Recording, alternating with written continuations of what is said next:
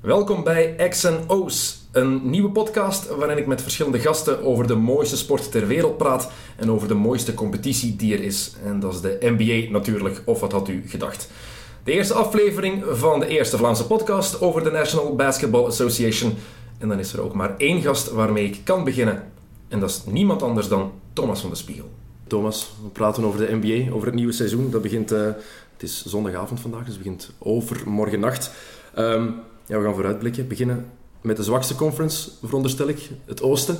Daar Cleveland topfavoriet. Volgens iedereen topfavoriet voor de titel. Jij bent het daar niet helemaal mee eens? Maar ik verwacht eigenlijk heel veel van Chicago dit jaar. Omdat ze toch wel uh, plots een luxe probleem kennen. Dat is uh, ooit anders geweest. Hè. Dat is nog niet zo heel lang geleden. Maar als je ziet uh, wat ze dit jaar natuurlijk allemaal lopen hebben en zitten hebben, is echt wel fenomenaal. En dan praten we vooral over de grote jongens. Ja, die beelden is enorm daar. Zeker met die Bobby Portis, de rookie die ze gedraft hebben, die er nog eens bij komt. Ja, die doet het uh, in pre-season al fantastisch, maar die heeft het echt allemaal om uh, echt een grote ster te worden. Dus ze komt daar echt wel met een, met een luxe probleem te zitten. Hè. Als je en Mirotic en Gasol hebt en je hebt daarnaast nog Noah en Portis en ook nog Taj Gibson, dan, ja, dan, dan, dan, weet je niet wie je eerst moet laten spelen. En het ziet er nu naar uit. Um, dat is wel een beetje een rare move van uh, Hooiberg, maar hij laat de laatste wedstrijden Mirotic en Gasol samen starten. Ja, dat is geen defense. Hè? Dat is gewoon echt puur op die aanval aanvallend, daarvoor kiezen. Aanvallend is dat fantastisch verdedigen. Natuurlijk Hooiberg, ik denk dat hij ook een beetje een stijlbreuk wil met het verleden, hè, met Thibodeau, die toch wel een zeer defensief georiënteerde coach was. Uh, dat hij toch wel eventjes onmiddellijk wil laten verstaan dat hij zijn, zijn eigen stempel wil drukken. Uh, maar heel lang gaat hij dat toch niet kunnen volhouden, denk ik. Want uh, Mirotic en Gasol samen. Hè. Vorig jaar heeft hij heel lang uh, Mirotic en Noah samen geprobeerd. Met Gasol een beetje van de bank af. Maar die had toen zoveel vertrouwen. Die speelde zo goed dat dat kon. Maar nu is hij nog beter aan het spelen. Hij heeft op zijn eentje Eurobasket gewonnen. En dan is hij echt wel misschien wel een toekomstig Hall of Famer. En die kan je ja, dat is sowieso, denk ik. Of het nu alles wat hij gedaan heeft in het Europese basketbal, internationale, dat is dus die Hall of Fame die sowieso. Kan je, die kan je niet van de bank laten komen. Um, ja, je hebt de opvallendste naam eigenlijk al genoemd van Chicago. Je hebt Bobby, Portis, je hebt die, die frontcourt. Maar de opvallendste transfer die de Bulls gedaan hebben is de nieuwe coach, Fred Hoiberg. Thibodeau buiten gegooid na jaren van harde defense. Ook al was het vorig jaar iets minder. Um, zijn spelers veel te veel minuten geven. Nu Fred Hoiberg. Nieuwe soort stijl eigenlijk in uh, Chicago. Uptempo basketbal heeft hij al gezegd. Je ziet het ook in de preseason. Um, en voor een keer, wat ik straf vind, Pau Gasol die omarmt dat. Die, wat hij bij Mike D'Antoni niet wilde doen. Toen wou hij in die post spelen. Nu ja, shot die driepunters, past hij zich aan aan dat spel van de nieuwe coach. Ik ben heel benieuwd hoe dat gaat gaan, vooral voor die defense. Die gaat eronder lijden, maar offensief gaan de Bulls zo geweldig worden, denk ik. Ja, kunnen, ze, kunnen ze geweldig worden, ja, ik, zo ik hoop ook natuurlijk, want dat hebben we nog niet gezegd, maar we hopen natuurlijk ook allemaal uh, dat het voor Derrick Rose een stuk beter zal gaan dan het ging. Want ik denk dat Thibodeau, want we waren allemaal een beetje verbaasd vorig jaar toen hij eigenlijk uh, zijn ontslag kreeg, zeiden we allemaal van dat is wel jammer, dat is een goede coach. Maar ik denk dat hij vooral een beetje afre afgerekend geweest is op het feit dat Rose zo vaak gekwetst ook geweest is in zijn revalidatie en zelfs daarna. Um, dat hij niet gespaard werd. Um, en je moet weten, Thibodeau had echt wel de reputatie. Heb ik nu onlangs ook nog eens bevestigd gekregen van een van de uh, coaches te zijn in de NBA die het uh, grootste volume aan training eiste van zijn spelers. En hij eiste dat ook van Rose. En ik denk dat hij daar toch een beetje op afgerekend is. Dat men ook eens wil gaan kijken, kan Rose nog een niveau halen dat ons aan een titel kan helpen uh, zonder al die training. Je moest rekening houden met die blessures natuurlijk. Ja, ze, hebben daar, ze, hebben daar, natuurlijk ook Jimmy Butler die een topseizoen heeft gehad. Dus ik ben benieuwd voor uh, Chicago. Ja, dat is één uitdager voor Cleveland in het oosten. Andere, in mijn ogen, um, zijn de Miami Heat, ex-ploeg van LeBron. Als je die starting five bekijkt van de Heat, die is redelijk indrukwekkend in mijn ogen. Puur op papier alleen al, als je dat kijkt op de guards heb je Goran Dragic en Dwayne Wade. Je hebt Luol Deng op de small forward. Chris Bosh die terugkomt en weer helemaal genezen is. Um, en Hassan Whiteside als center. En dan heb je nog jongens die van de bank kunnen komen. Met een um, Gerald Green die erbij is gekomen. Je hebt nog altijd Mario Chalmers van de bank, Chris Anderson. En dan in mijn ogen een van de beste rookies, Just, uh, Justice Winslow van Duke. Geweldige steal van uh, Miami die daar kan groeien onder Pat Riley en Spoelstra. En dan hebben ze ook nog Amari Stoudemire en zijn kapotte knieën binnengehaald voor 10 minuten, kwartier van de bank. Is dat welkom, denk ik, achter Bosch en Whiteside? Ja, ik denk dat er enerzijds te weinig van de bank komt om echt een contender te zijn. Ik denk wel dat ze de playoffs zullen halen en vrij makkelijk, maar dat ligt eerder aan de conference dan aan uh, hun topniveau. Top 3 toch wel in het ja, oosten? En anderzijds geloof ik niet in de, in de capaciteit van uh, Goran Dragic om een, om een team echt te leiden. Ik vind een fantastische speler, een ongelooflijk talent.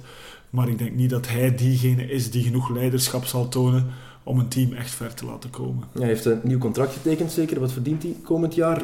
kleine 15 miljoen. Heeft een ja, soort max deal gekregen, tenminste onder de, onder de oude regels toch. Als het nieuwe tv-contract begint, dan gaat het allemaal normaal zijn. Ja, je ziet natuurlijk dat men heel makkelijk eh, die max deals weggeeft nu, omdat, men allemaal, omdat we allemaal weten dat de, dat de salary cap eh, de komende jaren serieus gaat stijgen.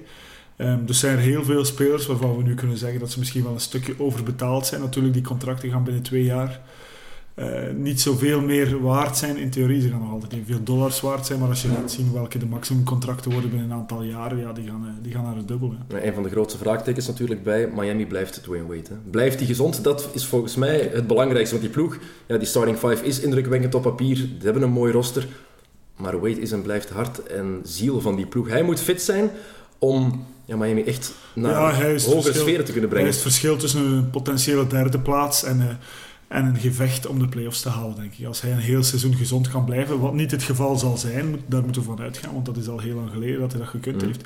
Eh, maar als hij gezond is, ja, dan, eh, dan zie ik ze wel natuurlijk voor bijvoorbeeld Atlanta of Washington of Toronto eindigen. Ik zie ze in het reguliere seizoen ook voor Cleveland eindigen. En Chicago ook. Maar dat is puur en alleen omdat ik een slecht gevoel heb voor, voor het reguliere seizoen voor Cleveland. Je hebt al die blessures. LeBron heeft nog last van zijn rug nu.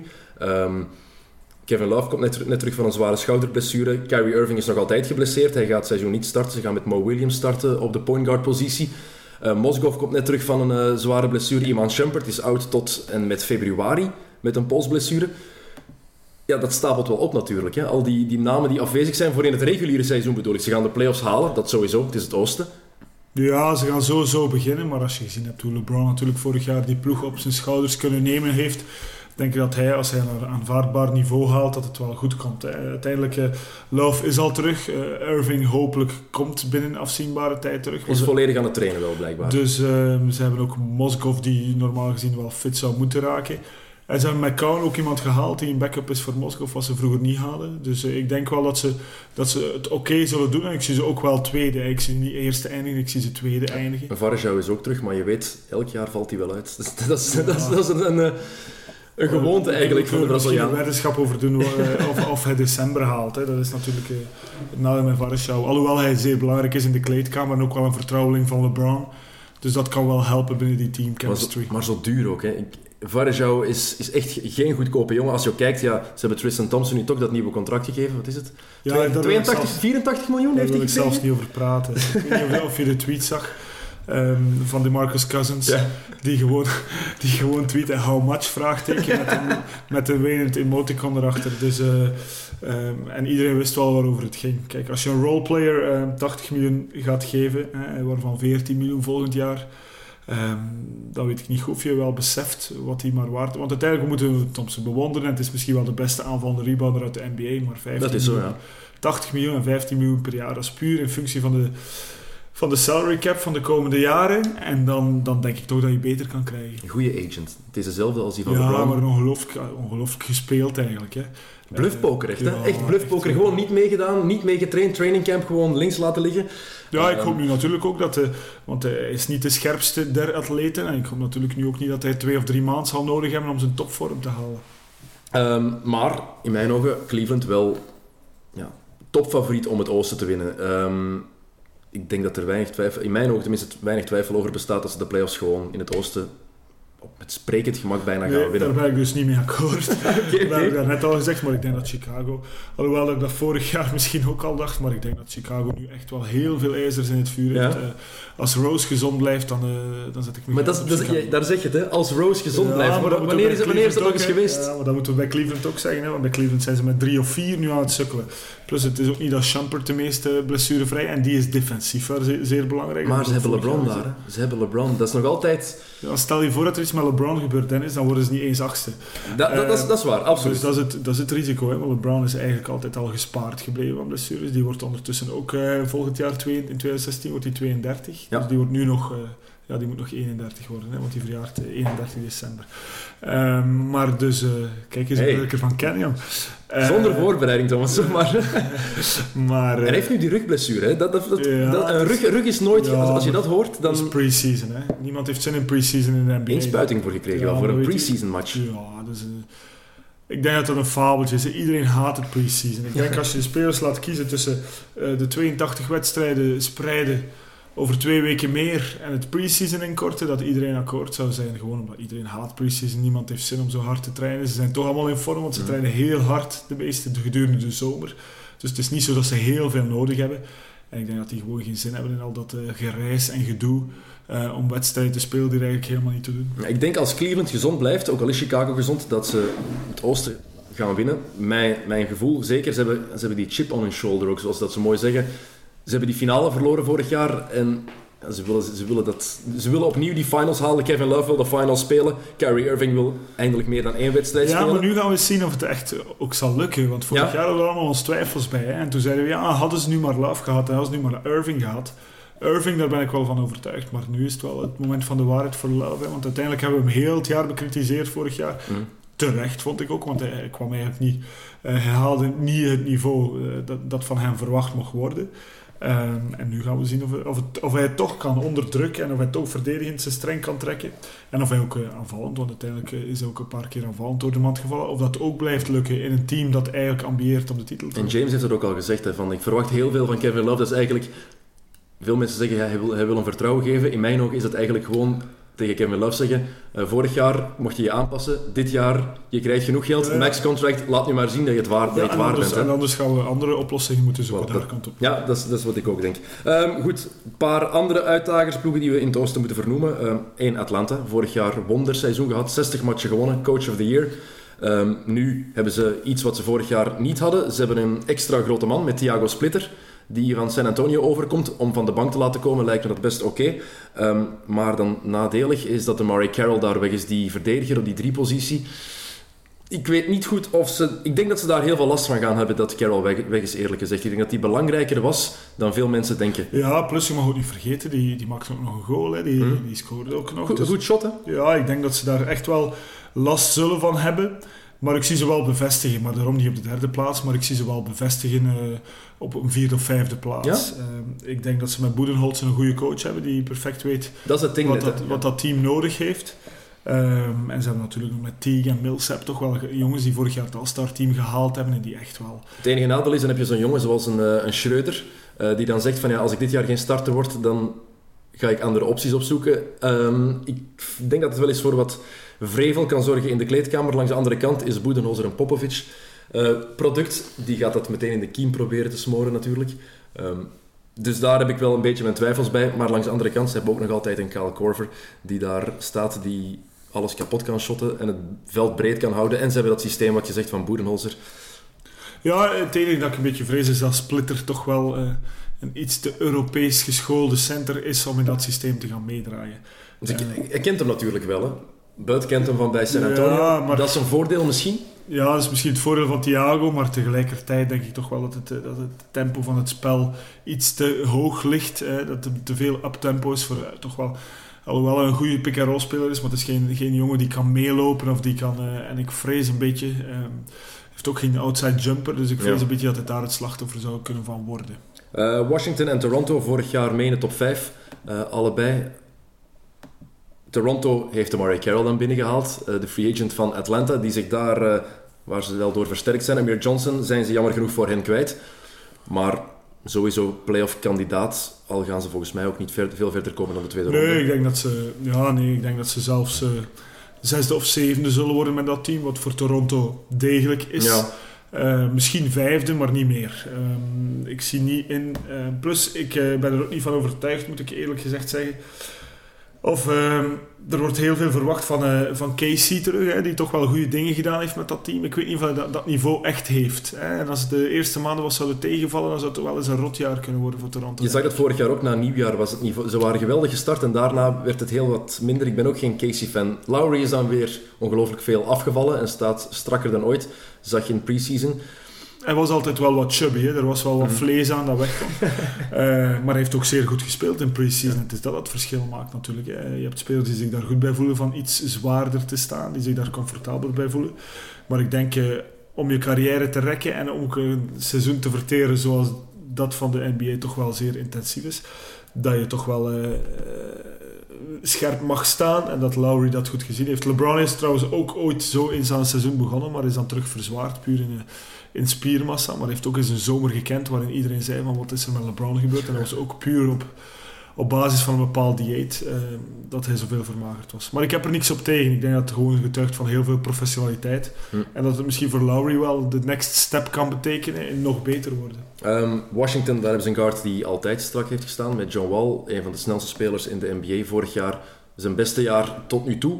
Uh, vorig seizoen tenminste, zijn beste jaar uh, tot nu toe wel Paul Pierce kwijtgeraakt. En dat gaan ze volgens mij voelen. Ik denk dat hij belangrijker was dan voor die ploeg dan, dan veel mensen denken. Alleen maar gewoon die invloed die hij had op die ja, jonge vooral, gasten. Vooral omdat Whitman geen, ook geen genie Dat is vreselijk. Die gasten gast is echt vreselijk. Dus, uh, als je al een coach hebt die, die zijn ploeg misschien niet in de hand heeft, uh, dan heb je natuurlijk een Paul Pierce nodig. Al denk ik wel, hè, ze behouden een volledige starting five.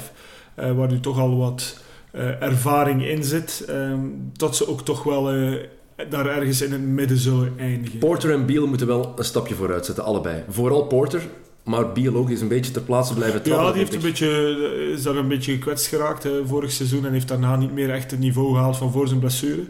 Ehm, ik denk dat ze ook wel met Humphries toch wel een goede zaak gedaan hebben. Al zal jij misschien daar niet mee akkoord gaan. Maar ik denk dat Humphries... Kan, kan nuttig zijn, kan nuttig zijn. Vooral ook omdat je, omdat je dan met Gortat zit, die toch wel een echte, een echte traditionele center uh, is. En dat je dan met Humphries toch wel een beetje up-tempo bal kan gaan spelen. Dat je een beetje op de vijf kan gaan gebruiken. Is vrij sterk, maar ook snel. Uh, schiet nu ook drie punters in de pre-season, ja. heb ik gezien, al 40%. Uh, maar dat kan wel helpen. Ik denk dat dat wat meer opties geeft en dat het misschien ook beter bij het spel van Wall en Beal zal gaan passen als ze Humphries op de vijf uitspelen. Ze moeten wel nee-nee kwijtgeraken, want die doet die ploeg meer pijn dan, dan goed, vind ik. Zwat, goed, uh, Oosten, een paar dingen nog, uh, waar moeten we naar uitkijken in jouw ogen? Zo één, één ding, één ploeg, speler, wat, wat, wat is iets waar uh, we naar moeten uitkijken voor ja, jou? Ja, dan gaan we het weer akkoord zijn. Ik zal liever een beetje discussiëren, maar ik denk dat we allemaal naar Orlando mogen kijken. Eh, omdat daar toch wel heel veel jonge jongens samen zitten in, in een team van de toekomst, uh, zoals ze het mogen noemen. Ja, ze noemen het ook echt zo. Het is, de bijnaam nu is Team Future bij Orlando. En le lekker roster. Hè. Ook wie ze nu gedraft hebben, Mario Hezonja van Barcelona, Kroaat. Um, ja, ik, ik was niet helemaal overtuigd, maar in pre-season moet ik zeggen, heeft hij me toch al dingen laten zien die van heel wat persoonlijkheid had hem sowieso. Uh, maar natuurlijk, uh, Euroball is geen NBA en dat is heel moeilijk te beoordelen of iemand het ook in de NBA zou kunnen. Hij was goed open court, maar toont nu ook al zaken in de half court waarvan ik zeg, eh, dat had ik nog niet van hem gezien. Dus het komt wel goed met hem. Wordt hij een absolute ster?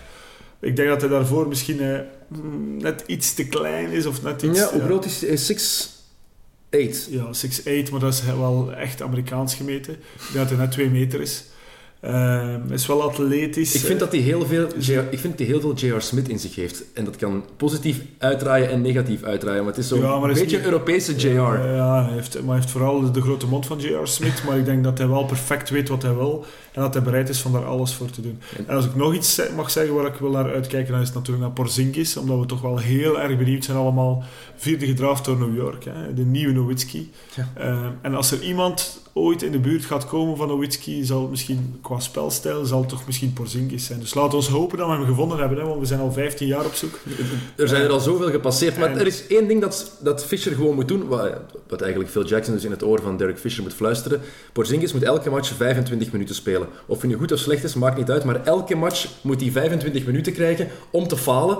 Wat Dirk ook heeft gedaan. Nowitzki in zijn eerste jaar was hij archi slecht bij Dallas. Goede dingen laten zien, maar hij was niet goed toen. Hè. Iedereen dacht dat het een flop was. En dan is hij beginnen evolueren omdat hij de kans kreeg om te falen. En Porzingis moet de kans krijgen om slecht te zijn, om te falen, om dan alleen maar beter te worden. Als ze hem op de bank gaan zetten, dan wordt het niks, ja, denk ik. ik. Ik ben volledig akkoord. En dan heb ik misschien nog iets voor jou, alhoewel nog twee dingen, en dan zullen we stoppen over toasten. Maar ik kijk ook wel uit naar Stanley Johnson in, in Detroit. Ook al is dat het team dat ik het meeste haat van... Uh... Maar ik hoor het van veel mensen. Ik ben geen, ik, ik ben geen Stanley Johnson fan. Ik hoor van heel veel mensen die zeggen van... Ja, ik kijk er wel naar uit. Kandidaat Rookie of the Year. Ja, dat, dat weet ik niet. Maar ik ben vooral heel erg benieuwd... Uh, in zo'n team in Detroit, hoe je daarin gaat functioneren. Uh, met iemand op de kaart waar ik het nooit voor gehad heb, maar dat, dat weet je wel. Brandon Jennings. Brandon Jennings. Die is nog altijd geblesseerd. Hè. Komt terug van die Achillespeesblessure. Dus Reggie Jackson die gaat daar op de guard starten ook niet geweldig natuurlijk. Maar zijn voordeel voor Stanley, eh, Johnson is wel... Stefan Gundy is een geweldige coach. Ja, laat ons hopen. Want als je dan... Uh, men zegt altijd de twee belangrijkste posities op een terrein. zijn de point guard en de center. En als je dan Brandon Jennings op de point guard hebt, maar je hebt ook Andrew Drummond op de center, waar ik ook helemaal geen fan van ben, ehm, dan wordt het heel moeilijk om je te bewijzen als rookie. En nog een laatste zaak uit het oosten is natuurlijk... Uh, wat gaat Milwaukee doen? Want dat wordt volgens mij de tegenvaller van het seizoen. En ik weet dat je het gaat haten dat ik dat zeg. Ik, ik, ik kan er ergens in komen, maar ik, ik, ja, Janni speelt daar. Ik, ik vind, ja. ik vind Antetokounmpo zo'n uniek talent.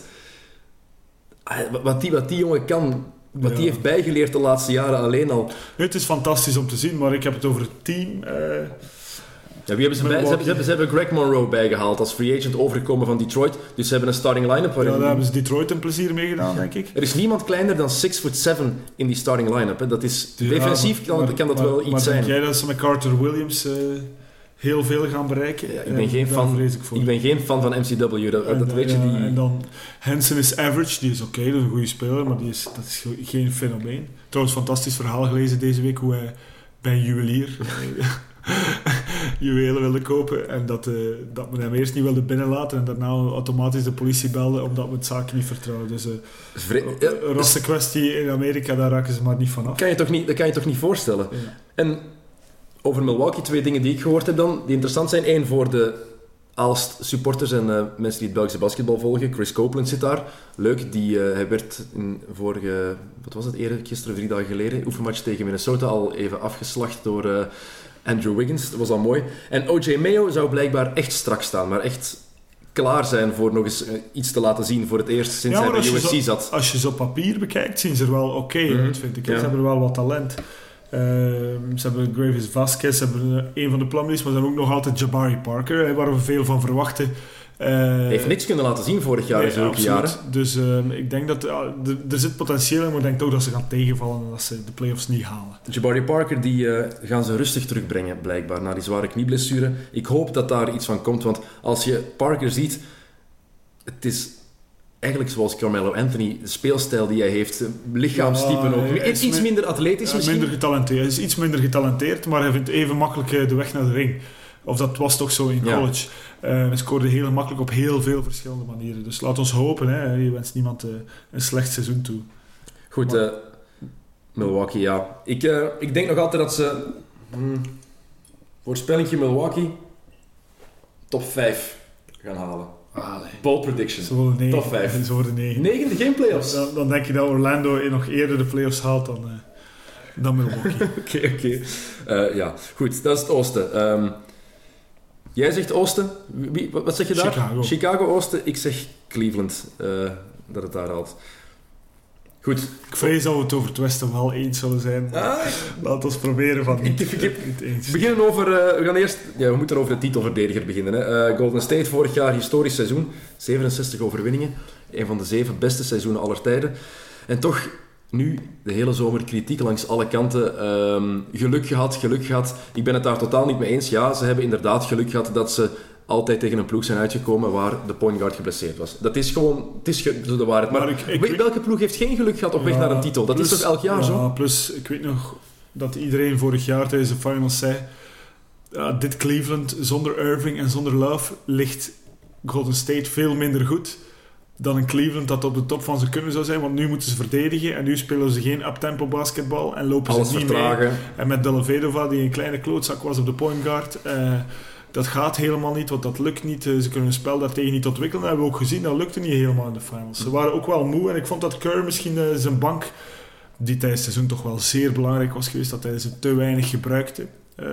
Vooral in de finals, in de, zowel in de conference finals als in de finals. En dat hij dat misschien toch zal moeten leren eh, dit jaar. Maar ik denk niet dat ze geluk gehad hebben en ik reken ze alweer tot de favorieten. Ze gaan zeven- geen 67 Nee. matchen winnen dit jaar. Ze gaan slecht aan het seizoen beginnen. Ehm, Tony van den Bos die is net eh, in San Francisco geweest. Is naar het trainingcamp geweest van eh, de Warriors. Want is nog altijd... eh, heeft goed contact met Ron Adams, een van de assistentcoaches. En Luke Walton die leidt daar de trainingen nu, omdat Steve Kerr zware rugblessure heeft gehad, geopereerd is en daar ja, zijn wat complicaties uitgekomen die echt niet goed zijn. Hij echt kreupel.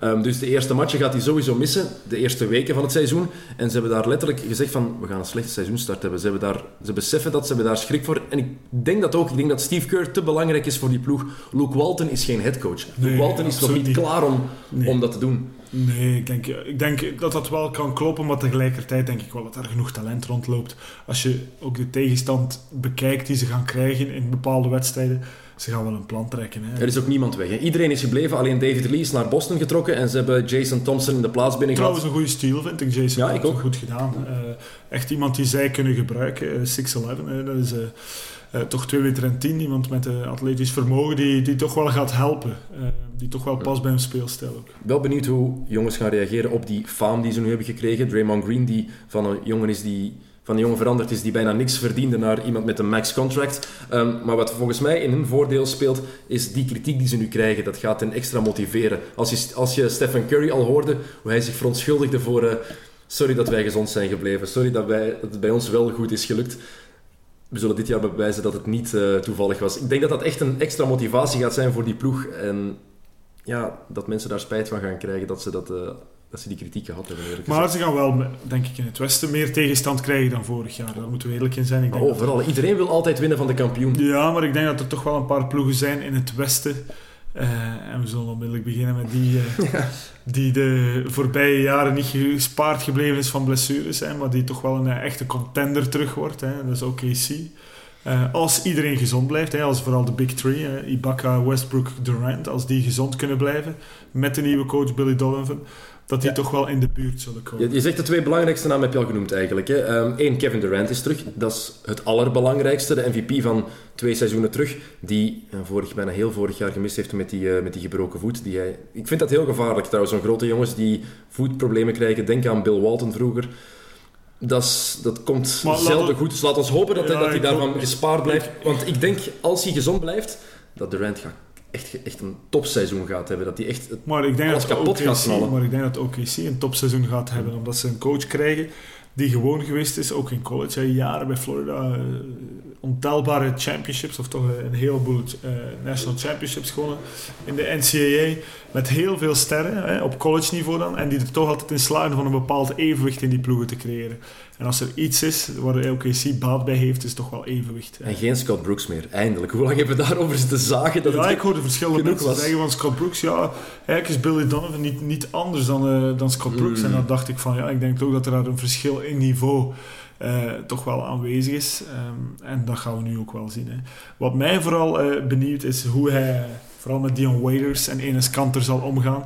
Eh Dion Waiters puur in het algemeen, hè, omdat dat niet zo'n slimme speler is Vreselijk toch gewoon. die die balance misschien wel eens kan gaan verstoren. En dan Kanter op defensief vlak. Kanter is aanval natuurlijk eh, zeer goed. Eh, zal ook wel iets bijbrengen. Wordt er ook voor betaald om iets bij te brengen. Slim gedaan van Portland, hè? eh, want die, Een contractje aanbieden van 70 miljoen, zodat OKC wel moet matchen. Ik vind dat, ja, daar hebben ze... ja, op het randje, maar wel goed gedaan. Maar daardoor, eh, ja, ik ben heel erg benieuwd hoe OKC het gaat doen. Maar ik ben ervan overtuigd dat als iedereen gezond blijft, dat, eh, dat ze wel gaan knallen. Ik denk dat ze na het reguliere seizoen op één gaan staan in het Westen. Dat, dat ben ik...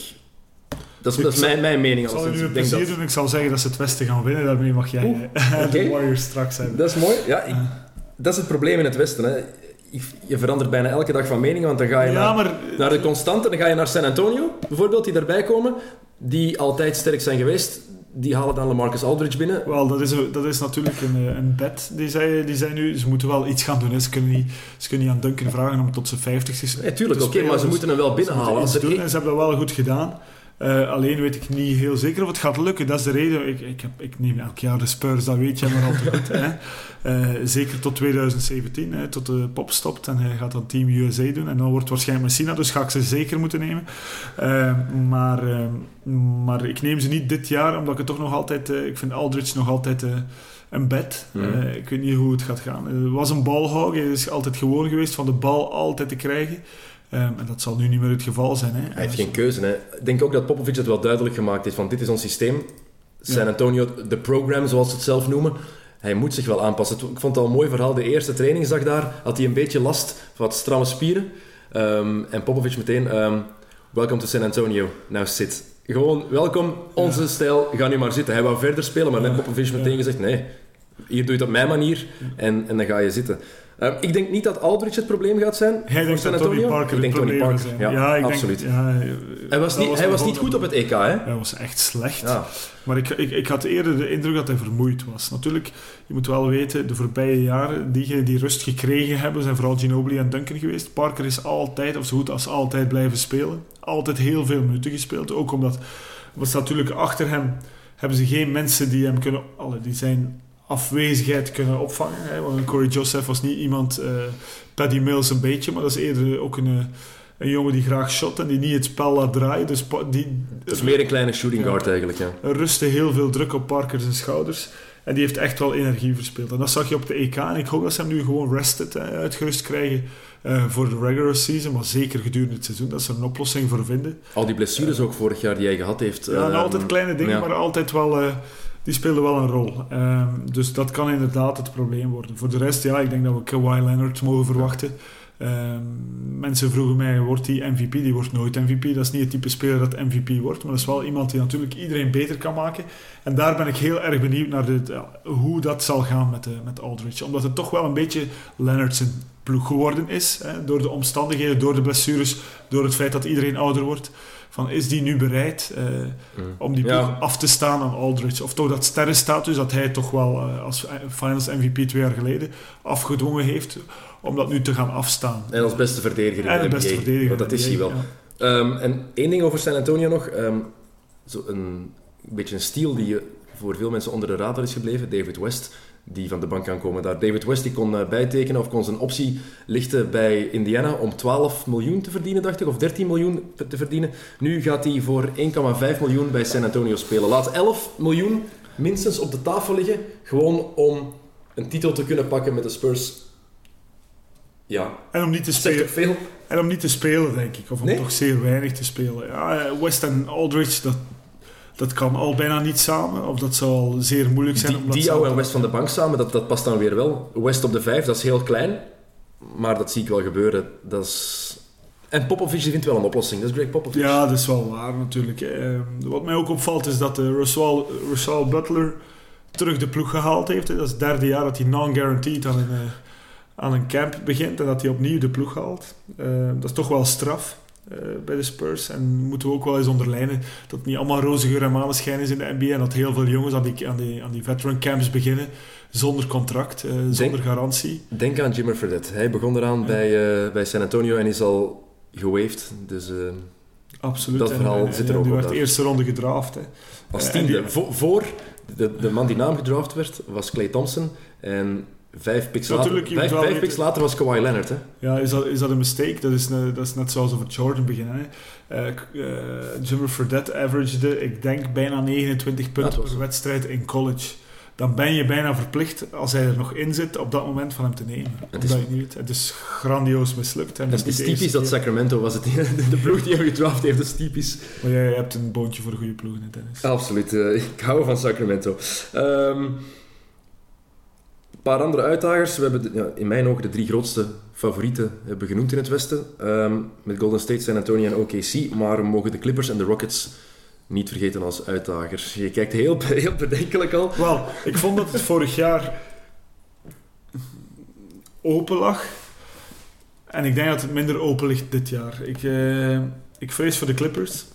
Daar zit een beetje te veel eh gangster-style samen. Loose Ook- cannons. Ja, ook al, is het, eh, ook al is het Doc Rivers en die heeft hij wel de reputatie van dat aan te kunnen. Maar wie zijn er, zijn erbij gekomen? Josh Smith is erbij gekomen. Lance Stevenson is erbij gekomen. Pablo Prigioni is nieuw. Allee, Pablo- Wesley Johnson. Pablo, Pablo is een goede jongen. Dus, En- eh, En Paul Pierce. Die, dat is een geweldige aanwinst. Ik heb wel het gevoel, als de Clippers kampioen willen spelen ooit, dan moet het nu gebeuren. Dit, er is zoveel talent, ze kunnen ook nog dingen doen. Eh, met Smith en met Stevenson kunnen, kan er getrade worden, er kunnen dingen... ge- ik zie ook Stevenson wil zich ook bewijzen na het rotjaar bij Charlotte, dus Ja, die gaat... maar ik zie ook die starting line-up dan. Hè. Ik zie dan eh, Chris Paul, oké, goede speler. Ik zie dan J.J. Redick, fantastisch in het eerste kwart, altijd. Mhm. Ehm, geen fantastische verdediger, ook al doet hij zijn best. En dan moeten ze eigenlijk Lance Ste- Stevenson gaan starten. Ze, gaan, Dan, ze gaan met Wesley Johnson starten. Ja, de laatste wedstrijd in pre-season hebben ze met Lance Stevenson gestart. Dat ik dacht van... dat wordt het niet. Hè. Uh, dat wordt het echt niet. Als je daar dan ook een keer Paul Pierce uh, bij neemt, dan je neemt ook nog een keer Josh Smith, dan denk ik in die kleedkamer, dan, dan begin ik bij plots arenas scenario's met, met, wapens, ja, met wapens in de kleedkamer voor te stellen. Er zit gewoon heel veel samen. Um, ik vind het een beetje jammer, mijn goede vriend Prigioni, die toch wel een goed jaar gekend heeft vorig mm. jaar.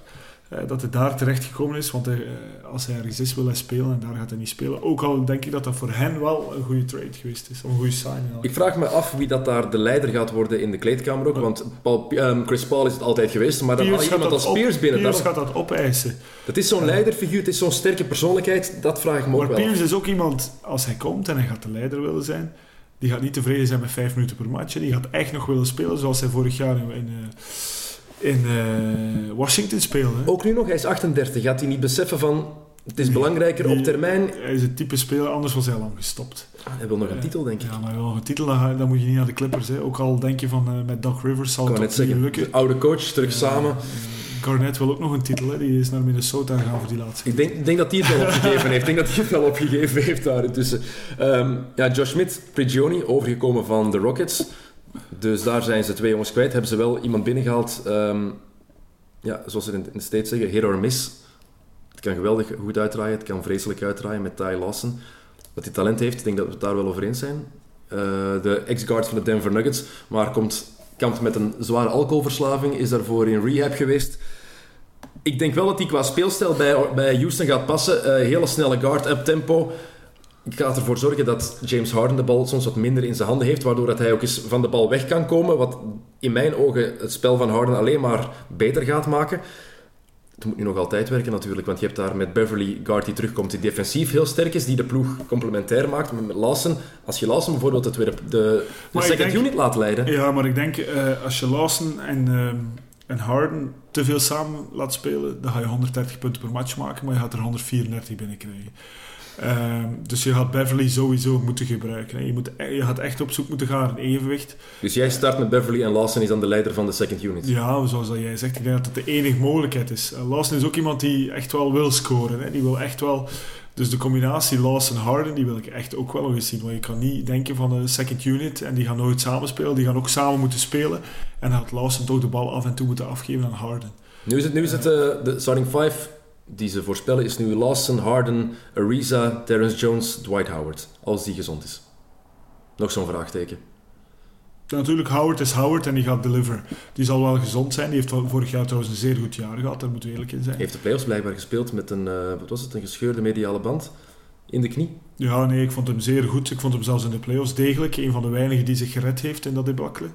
Ehm, maar ik, ik, ik, ja, ik heb het een beetje moeilijk natuurlijk. Ik ben nog van een oude stempel waarschijnlijk. En een, een, een, speler met een alcoholprobleem, daar heb ik het al moeilijk mee. Laat staan een speler met een relatie met een Kardashian. Hè. Dat, dat is nu, het, zou, het zou blijkbaar voorbij zijn, ah, want ze is terug naar James Lamar. Was uh, ja, bij Chloe Kardashian. Dus uh, ja, dat, was niet, dat is niet ideaal, denk ik. Uh, en dat past ook helemaal niet bij Kevin McHale. Ik weet niet hoe die dat, die dat die dat allemaal gaat proberen oplossen, want die heeft waarschijnlijk nog nooit gehoord van de Kardashians. Of zo ziet hij er toch uit. En nu, is het terug, uh, nu, nu zit ze aan het uh, ziekenbed van Lamar en heeft... Maar Lamar Harden, is beter ondertussen. Ja. Hè, en Harden heeft een stap opzij gezet, ja. dus goed voor zijn carrière misschien, want de Kardashian-vloek... Veel mensen zijn er al uh, Chris Humphries is er al van, maar dat is natuurlijk niet van het niveau van de anderen. Ah, kijk naar een Reggie Bush, NFL-speler, dat is ook nooit meer goed gekomen na, na Kim Kardashian. Dus en Lamar, die is helemaal ten onder gegaan. Ja, maar die was al een beetje ten onder gegaan. In de jaren ervoor ook. Um, de vijf topkandidaten, of moeten we ook rekening houden ja. met de New Orleans Pelicans? Ja, we hebben nog niks over Memphis gezegd. Ook al. Uh, en dan zijn we al aan zeven. Het, het, het Westen, uh, het is, ik heb, ik, heb, we, ik heb het gevoel dat het Westen dit jaar die top echt wel sterker is geworden. Dan, nog sterker dan vorig jaar, de top 7. Hè? Ja, we moeten, ja, ze zijn in de breedte misschien sterker geworden, maar ik denk dat... Uh, dat heel erg open ligt, maar dat we toch gaan mogen spreken van die top 3 die wij daar genoemd hebben, dat, dat daar toch wel de, de kampioen gaat uitkomen.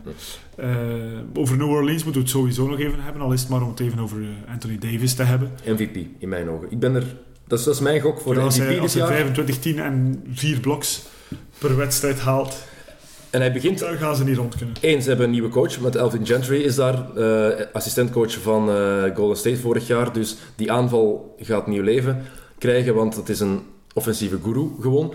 Uh, defensief is het dan weer wat minder. Uh, het enige nadeel is dat ze ongelooflijk veel blessures hebben. Tyreek Evans is vorige week geopereerd aan zijn knie. Um, Drew Holiday heeft nog altijd knieproblemen. Eric Gordon die is om de haverklap geblesseerd. Asik is nog altijd geblesseerd. Norris Cole, Ajinsa. Um, kan je wel blijven opnoemen. Kendrick Perkins zit daar trouwens. Die kan uh, Anthony Davis nu verder begeleiden. Maar Davis gaat dus echt heel die aanval moeten dragen. Die gaat cijfers... Gaat, wat gaat dat zijn? 35, 15 en 4 bijna posten de eerste maanden? Ja, ik denk dat het vooral zaak wordt van de playoffs te halen. Dat weet je nooit natuurlijk. Hè. Uh, als ze er dan, dan in slagen van compleet te zijn, dat weet je echt nooit. Plus ik vind daar wel dat ze, dat ze met Dante Cunningham een stil gedaan hebben die een beetje gepasseerd is. Hè, waar niemand het echt over gehad heeft. Maar een zeer degelijke speler die hen wel gaat helpen. Uh, ik vind ze in elk geval iets dieper dan vorig jaar. Uh, want dat was vorig jaar toch het probleem. Er was totaal geen diepte. Alhoewel, ze hebben uh, Golden State toch wel echt een fight gegeven in de eerste ronde van de playoffs. Die hebben echt wel moeten spelen om te winnen. En dat is zeer uitzonderlijk. Dus ja, ik denk dat, ze, ja, dat we er rekening moeten mee houden. Maar het maar na nieuwjaar zal zijn dat toch voor de achtste plaats zal zijn. Ik denk die coaching wissel, ik denk dat die een hele grote invloed gaat hebben. Je zegt het, die achtste plaats. Um, ik heb daar op dit moment, want we hebben nu eigenlijk de zeven ploegen genoemd, die, wij, die ik tenminste in de playoffs verwacht, met Golden State, San Antonio, OKC, de Clippers, Houston, New Orleans en Memphis. Dat zijn voor mij mijn zeven zekerheden in het Westen. En voor die achtste reken ik op de Utah Jazz. Die daar kunnen geraken. Ze hebben natuurlijk die tegenslag gehad met Dante Exum, die is uitgevallen ja, met die knieblessure. Utah is een beetje het Orlando van, uh, ja. maar iets, iets vroeger. Hè, want ze zijn allemaal al iets. Maar heel Hele goede coach. Ja, uh, dat moeten we Quinn Snyder. Wat, vorig jaar was, na februari, was Utah een van de beste ploegen in het Westen. Ze, hebben dat, ze zijn zo goed geworden daarna, omdat daar ook een systeem in zit. Een hele duidelijke defensieve lijn, daar is, daar is iets neergezet. Een goede organisatie. En offensief heb je ja, genoeg opties. Gordon Hayward is echt een heel onderschatte speler, vind ik. Alleen heb je dat... ja, die hebben gewoon een, een heel goed team. Hè. Die hebben heel veel jonge jongens die van alles kunnen en die op enthousiasme met een heel goede coach. Maar eh, natuurlijk, uh, we hebben dat ook bij Boston gezien, om nog even naar het oosten te gaan. Die, maar die kan je een beetje vergelijken, vind ik ook, Utah en Boston. Ja, omdat dat toch wel... Dat zijn jongens uh, die nog niet pretenderen van de grote sterren te zijn, waardoor je die nog echt kan gaan leiden als een college team of als een Europees team. En dat doen zowel Snyder als Stevens. Hè. Um, die leiden die echt als een college team. En dat werkt omdat dat de enige mogelijkheid is voor die jongens. Ten eerste om wedstrijd te winnen, maar ook om zo in de kijker te spelen. Want als je in een team terechtkomt dat maar 20 wedstrijden op een seizoen wint, dan kijkt niemand naar je. Dan mag je het nog zo goed doen. Terwijl als je meedoet voor de achtste plaats, uh, dan kijkt iedereen met argusogen. En ik denk dat die dat allemaal goed begrepen hebben. Ze hebben ook de, voor mij, Defensive Player of the Year het komende seizoen met Rudy Gobert. Um, het, ja. wordt, het wordt om de zoveel jaar komt er eens een forward of een guard uit, maar sinds 1996 zijn er drie niet-centers geweest. Ik hè? denk dat drie Paul. Gasol niet akkoord zal zijn als je Rudy Gobert de toekomstige Defensive Player of the Year zal Je moet denken aan hoe er ook gestemd wordt in de NBA, ja. daar denk ik ook aan. Hè. Het gaat vaak om Kijk, cijfers, bloks ja. en, uh, en rebounds. En dat is waar Gobert in uitblinkt. Dus ik, denk, ik denk dat hij een heel grote kans heeft. We zullen dan uh, nog eens een recap en een heruitzending doen vlak voor de verkiezingen. Dan zullen wij eens een heruitzending doen van de halve finale van TK. Waar Pau Gasol 40, 40 punten scoorde, waar, waarvan denk ik uh, 28 op Gobert, waarvan 12 uh, op een, echt op een heel korte periode in het derde kwart. En dat was echt, uh, echt taking him to school. Had geen antwoord. Ja, nee, dat was echt fantastisch. Eigenlijk, wat Pau daar deed was fantastisch om te zien. En was echt... En, en, het was echt met de billen bloot, moeten we zeggen, over Gobert. Hè. Dus uh, om hem al Defensive Player of the Year te noemen, ik denk dat de, de kans erin zit dat hij het wordt. Maar we weten ook wat Defensive Player of the Year maar wil zeggen eigenlijk de laatste jaren. Um, en dat het toch wel een beetje jammer is dat enkel daarnaar gekeken wordt. Vorig jaar was het gelukkig voor een keer niet zo met Leonard en Green, die 1 en 2 waren. Twee terechte keuzes. Um, op de guard moeten ze wel nog, hebben ze ja, Burke, Burks, Exum is dan uit. Raul Neto, dat, dat kan wel eens een cultheld worden in Utah. Of dat die gaat doorbreken, dat weet ik niet. Maar talent heeft die jongen alleszins, uh, alleszins genoeg. Uh, wie er zeker niet gaan bij zijn in de playoffs zijn Dallas Mavericks en de Portland Trailblazers. Portland is iedereen kwijt. Vier van de vijf starters zijn daar weg. Batum naar Charlotte, Matthews naar Dallas, Aldridge naar San Antonio en Robin Lopez naar de Knicks. Dus Damian Lillard die mag 50 shots per match gaan pakken, Kobe-style. Um, die gaat echt alles bijna alleen moeten doen. Lillard, want ja, die ploeg, als je die, die starting line-up ook bekijkt, dat is nu Damian Lillard, CJ McCollum, Alvaro Camino, Myers Leonard en Mason Plumlee. Dat is de starting five. Ja, dat is wel een beetje jammer, want ik denk dat er in Portland toch wel lang gebouwd geweest is aan terug een goed team. En dat, is wel gelukt. Plus je mag niet vergeten, de Rose Garden is misschien wel de moeilijkste, als het goed gaat, is misschien een van de moeilijkste terreinen en zalen om te gaan spelen in de NBA. Dus een beetje jammer als ze dan terug ergens onderaan zullen gaan bengelen. En daar ziet het toch wel naar uit. Um, ik denk het ook. En bij Dallas ja, hebben ze die blessures en ze hebben daar uh, ze hebben die Andre Jordan proberen binnenhalen. Als u dat van de zomer een beetje gevolgd heeft, dat was een uh, serieus soap. Een hele saga had getekend, had ze een akkoord gegeven bij Dallas en dan is hij uiteindelijk teruggegaan naar de Clippers. Ja, Mark Cuban was daar niet zo tevreden mee. dat, dat, is, dat is toch heel zacht uitgedrukt. Want ze zijn, ja, ze zijn zijn huis gaan barricaderen, echt, hè, met uh, alle Clippers samen. Dus uh, die Andre Jordan die gebleven is uh, in LA. En de Mavericks die het dan moeten doen met Zaza Pachulia, JaVale McGee. Ja, JaVale McGee, hij is terug. En met Salah Mejri, ex-speler van de Giants, die nu um, een kans krijgt in de NBA. Darren Williams is wel aangetrokken van Brooklyn, maar Williams die is al jaren ja, aan het stagneren, of gewoon eigenlijk een neerwaartse spiraal zijn spel. Vroeger, wat, kan je nog herinneren, vijf jaar geleden was er de discussie, wie is er beter, Chris Paul of Darren Williams? Nu is die vraag gewoon... Toen speelden ze nog Jersey zelfs, dus uh, dat is al even geleden. Hè. Maar dat is inderdaad waar. Dus het wordt zeer moeilijk voor Dallas sowieso. En zelfs met die Andrew Jordan erbij, uh, zie ik niet in wat dat zou veranderd hebben. Hè. Want uiteindelijk is dat ook iemand die maar rendeert als hij goed omringd is. En omringd door deze jongens zou hij totaal niet het rendement halen dat hij, dat hij eh, bij de Clippers kan halen. Ja, want ze hebben Wesley Matthews, maar die herstelt van een Achillespeesblessure, dus is nog niet fit. Um, ze hebben Chandler Parsons, die een zware knieblessure heeft gehad en nog altijd aan het herstellen is. Dus dat zijn een shooting guard en een small forward die niet klaar gaan zijn en die pas waarschijnlijk in december, januari misschien topfit gaan, gaan kunnen, kunnen worden. Dan haal je het in het westen niet. Heel nee. simpel. Dat is het westen. Nee. Dus we nog... Ah nee, de, de laatste spot was dus voor Utah, volgens jou. Voor mij wel, ja. En niet voor de Lakers. Ik wou net zeggen, jij gaat de Lakers er nog ook bij zitten. Nee, Thomas? ik vrees ervoor. Het gaat niet zo slecht zijn als vorig jaar. Wacht, wat is een starting line-up? volgens ESPN wordt dat D'Angelo Russell, die nieuwe de nummer 2 draftpick, um, Jordan Clarkson, Kobe Bryant, als die gezond blijft, Julius Randle en Roy Hibbert. Ik denk dat Brandon Bass gaat starten over Julius Randle eigenlijk. Ja, ik zie niet in waarom dat uh, Lou Williams niet zou starten. Maar, uh, Six Man of the Year gaat hij niet. Ja, maar ja, nu, zit, ja, nu zit je bij de Lakers. Hè. Uh, ik weet. Um, ja, het is heel moeilijk. Hè. Um, aan wie gaan we de bal geven volgend jaar? Ja, Hibbert heeft een afgrijselijk pre-season gespeeld. Heeft ook een afgrijselijk jaar gehad vorig jaar in het algemeen. Rendeert ook beter in een goed team, denk ik. Maar daar staat natuurlijk nu wel iemand die de ring kan beschermen. Een 2,20 meter daar. Um, ja, en, nee. ze, en ze hebben ze hebben de Pandas friend terug. Ja, ze hebben, ja maar hij terug met de World Peace. Ja, het is, ik, weet niet hoe het komt. Omdat hij misschien terug is uit China. Daarom. Maar uh, ja, nee, het wordt een hele moeilijke, maar het wordt niet zo slecht als vorig jaar. Uh, sowieso wordt het uh, met Bass, met Lou Williams, uh, met Hibbert, wordt een beter team. En stel je voor dat Kobe gezond blijft en dat hij er 20 gemiddeld maakt, ja, dan heb je toch wel een team dat misschien, uh, ja, denk ik niet, maar allee, laat mij hoopvol zijn. En, 30 overwinningen? Ja, nee, ik denk dat ze Utah dan het vuur aan de schenen kunnen leggen met een gezonde Kobe. Met een gezonde Kobe. De gezonde Kobe. Want Kobe, hoe oud wordt hij dit jaar? Is hij 38? Ja, 37 is 78, hè. Dus, wordt 38 ik denk dat hij al die. Hij heeft zoveel zware blessures gehad. Ik denk dat het te veel is geworden voor, voor, voor zijn lichaam. Het, het bleef maar komen. Hè. En ook in pre-season. Beenblessure ja, Hij zal zijn spel een beetje moeten aanpassen. Hè. Dat atletische zal eruit gaan. Hij zal een pure shooter bijna moeten worden. En dan, dan hangt het vanaf. Blijft hij gezond en valt, hij, valt dat shot. Ik ben heel benieuwd voor de Lakers. Ik, uh, ik geloof er niet in. Ik vrees ervoor. Ik geloof wel in, um, in Julius Randle en D'Angelo Russell. Dat ze daar een echt een basis mee hebben voor de, voor de toekomst. En Kobe, ja. Zijn laatste jaar bij de Lakers. Iedereen verwacht een afscheidstournee. Zelf wil ik dat niet zeggen. Ik denk dat hij nog niet wil stoppen hoor. Hij, speelt het spelletje veel te graag. Ik denk niet dat hij ermee gaat ophouden trouwens na dit jaar. Ja, het wordt ooit wel eens het moment, maar als je ziet hoe lang iedereen kan spelen in de NBA, hoe zij daarin slagen van toch wel tot een 8, 39, 40. In Europa is dat ongezien bijna. Ehm, dat heeft misschien ook wel met de trainingsbelasting te maken hier en met de hele lange seizoenen.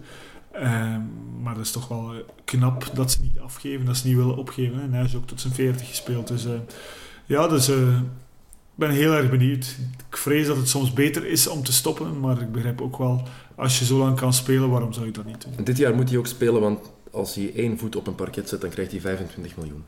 25. Ik denk niet dat Kobe nog wakker ligt van 25. Nee, maar toch, ik denk dat het welkom is. Als je uh, dat op je bankrekening ziet verschijnen. ik ben daar wakker van, maar Kobe ligt er niet wakker um, We hebben het in het oosten gezegd. Um, waar moeten we naar uitkijken in het westen? Is er iets, één ploeg, waar je van zegt van ja, die moeten we zeker in de gaten houden? Ik heb, ik heb er eentje, dat zal ik het eerst zeggen, de Sacramento Kings. Omdat dat gewoon zo'n knoeiboel is. Ik, ik heb het al een paar keer ook gezegd vorig seizoen.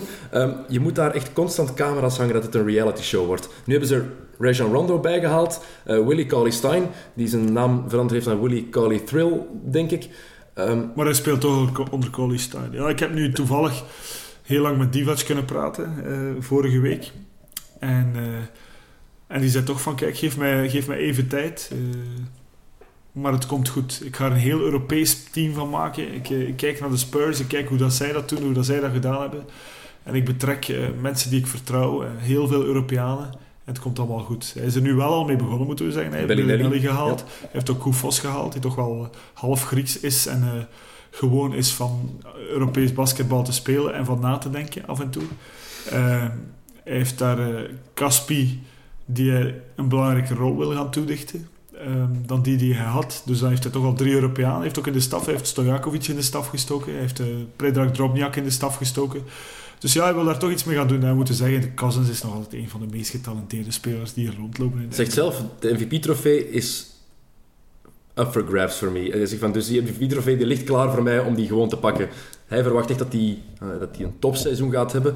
Um, en wat ik denk bij, bij Sacramento is, het kan een seizoen worden waarin ze 20 matchen winnen en er meer dan 60 verliezen. Maar het kan evengoed een seizoen worden waarin ze 48 à 50 matchen winnen. Dat, dat kan allemaal. Het enige ja, nadeel is, ze hebben Rajon Rondo natuurlijk op de guard. Wat hij vorig jaar heeft laten zien bij Dallas, dat was, om, dat is, gewoon, dat is gewoon zielig. Heel simpel. Ja, Zo'n talent, wat daarmee gebeurd is... Ik, ik, vind, ik denk dat het heel interessant gaat worden om Sacramento te volgen dit jaar. En ze hebben een Curry. Ze hebben Seth Curry binnengehaald. De broer van... Ja, dat gaat niet helpen. Nee, ik denk, uh, ik denk dat, dat, je dan eerder op uh, Darren Collison zal moeten gaan rekenen dan op Seth Curry. Maar nee, ik denk dat het, uh, dat toch wel interessant wordt om naar Sacramento te kijken. al is het maar voor Rondo en Cousins. Jouw kampioen in het Westen? OKC. Ah. Dan winnen die ook heel de boel, hè, want de kampioen komt uit het Westen. Hè. Ja, ik denk het ook. Dus ik zeg Golden State back-to-back. -back. Maar ik vind het heel moeilijk, want OKC is mijn... Is, het is...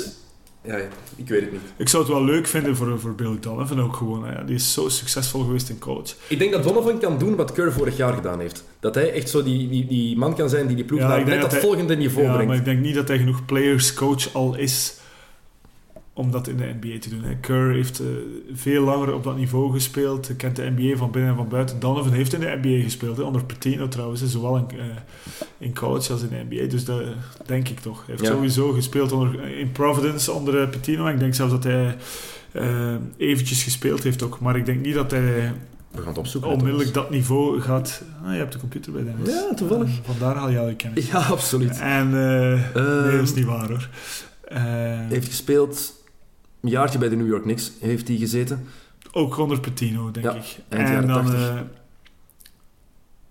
en heeft daar heel veel geleerd van Mark Jackson trouwens. Um, maar uh, ik, ik, heb ooit een boek gelezen van Billy Donovan en ook een van Patino. Dus het is, uh, vandaar dat het nog komt. Maar, uh, maar ik denk niet dat hij zich zo snel zal aanpassen als Kerr dat gekund heeft. aan dat players coach zijn, want uiteindelijk moet je er rekening mee houden. In de NBA zijn de spelers aan de macht. Hè. En in college ben je als coach aan de macht. Het is een, het is een players league, heel simpel. Hè. Um, dus jij zegt finale Chicago OKC. Ja. Ik zeg hetzelfde als vorig jaar. Ja, saai. Vorig seizoen is ook saai eigenlijk. Hè? Ja, maar oké. Okay. ik ga er los naast zitten, maar dat is misschien wel net het leuke. Um, wie geef, geef, jij je, je MVP-stem? We gaan even snel de awards nog doen. Dan zullen we dat vind ik een hele afronden. moeilijke, omdat ik niet inzie wie er echt bovenuit zal steken. Ik zou willen Hezonia zeggen, maar dat, dat denk ik niet.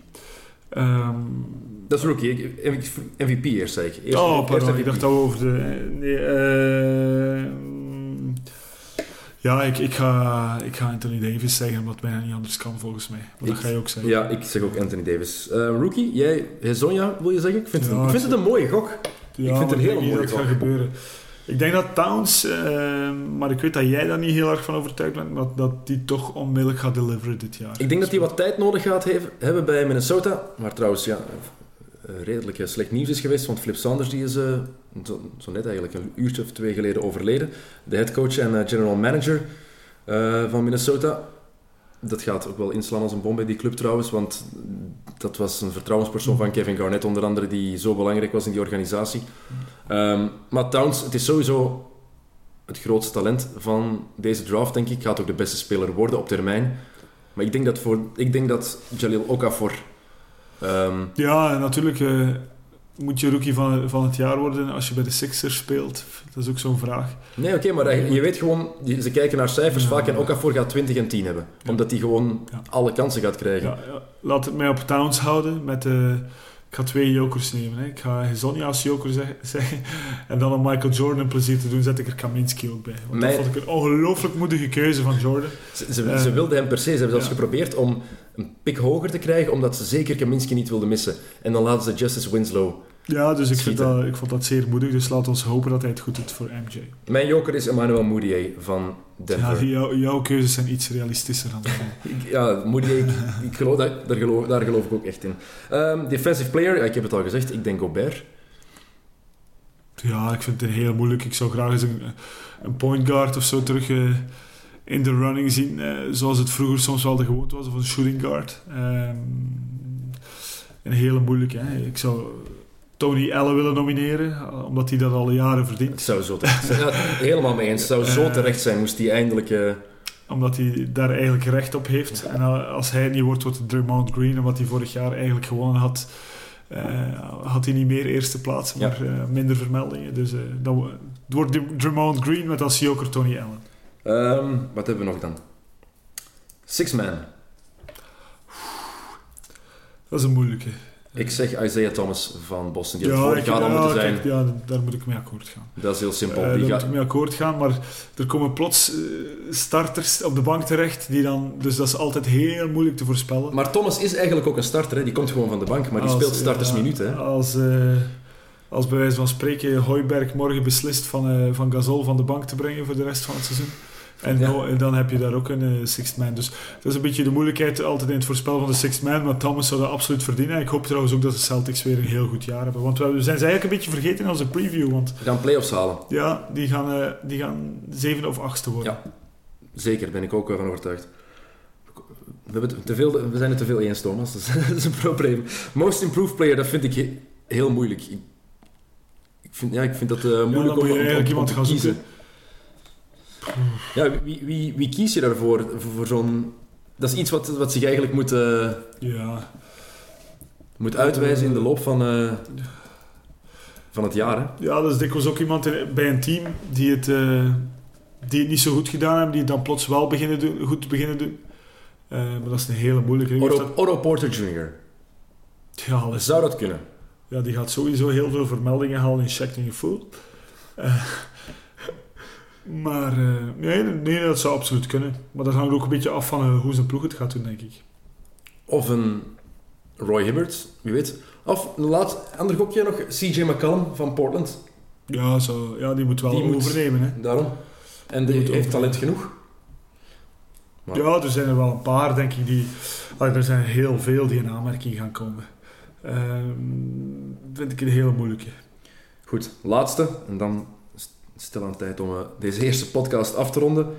En een van de moeilijkste trofeeën elk jaar vind ik Coach of the Year. Dan hebben ze allemaal gehad, de zes. Wie wordt de beste coach? Wie gaat die prijs winnen? Ja, ik kan niet anders dan Donovan zeggen. Hè. Als hij kampioen gaat spelen, volgens mijn pronostiek, dan gaat hij hands down winnen. Hè. Ehm, dus ja, ik, eh, laat, me, laat maar Billy Donovan staan. Ik ga voor Quinn Snyder van Utah. Ja, wel, dat is... Als die mijn de playoffs dat haalt- mijn- Dat is mijn gevoelsmatige keuze. Die Dat is is- ook een jaartje assistent geweest van Messina in, eh, in CSK. Eh, wat ik heel erg bewonder als iemand dat doet. Hè. Die, is, eh, Ja, zeker. die is van de Lakers meegegaan toen Messina advisor was, of associated head coach. Teruggekeerd is naar Moskou, is Snyder een jaartje meegegaan. Dat vind ik wel een bewonderenswaardige keuze. Dus, eh, en die doet het zeer goed. Die heeft zowel op college vlak zeer goed gedaan, doet het nu goed met Utah. Dus gevoelsmatig kan ik me daar helemaal in vinden. Als ze de playoffs halen, dan denk je dat hij een heel grote kans maakt. Goed. Ehm, ja, we hebben onze finalis- finalisten gekozen, kampioen gekozen en trofeeën. Eh, tijd om deze eerste podcast af te sluiten. Thomas, bedankt voor uw tijd. Ja, zo, zo, zo vriendelijk van jou. Um, hou ons zeker in de gaten op uh, xno's.be. We gaan regelmatig podcasts hierop posten. En ook op iTunes kan je ons natuurlijk uh, blijven vinden en uh, gratis downloaden om te luisteren in je wagen als je aan het lopen bent of wanneer je maar wil. Uh, volgende podcast komt er zo snel mogelijk in de loop van volgende week. Bedankt voor het luisteren.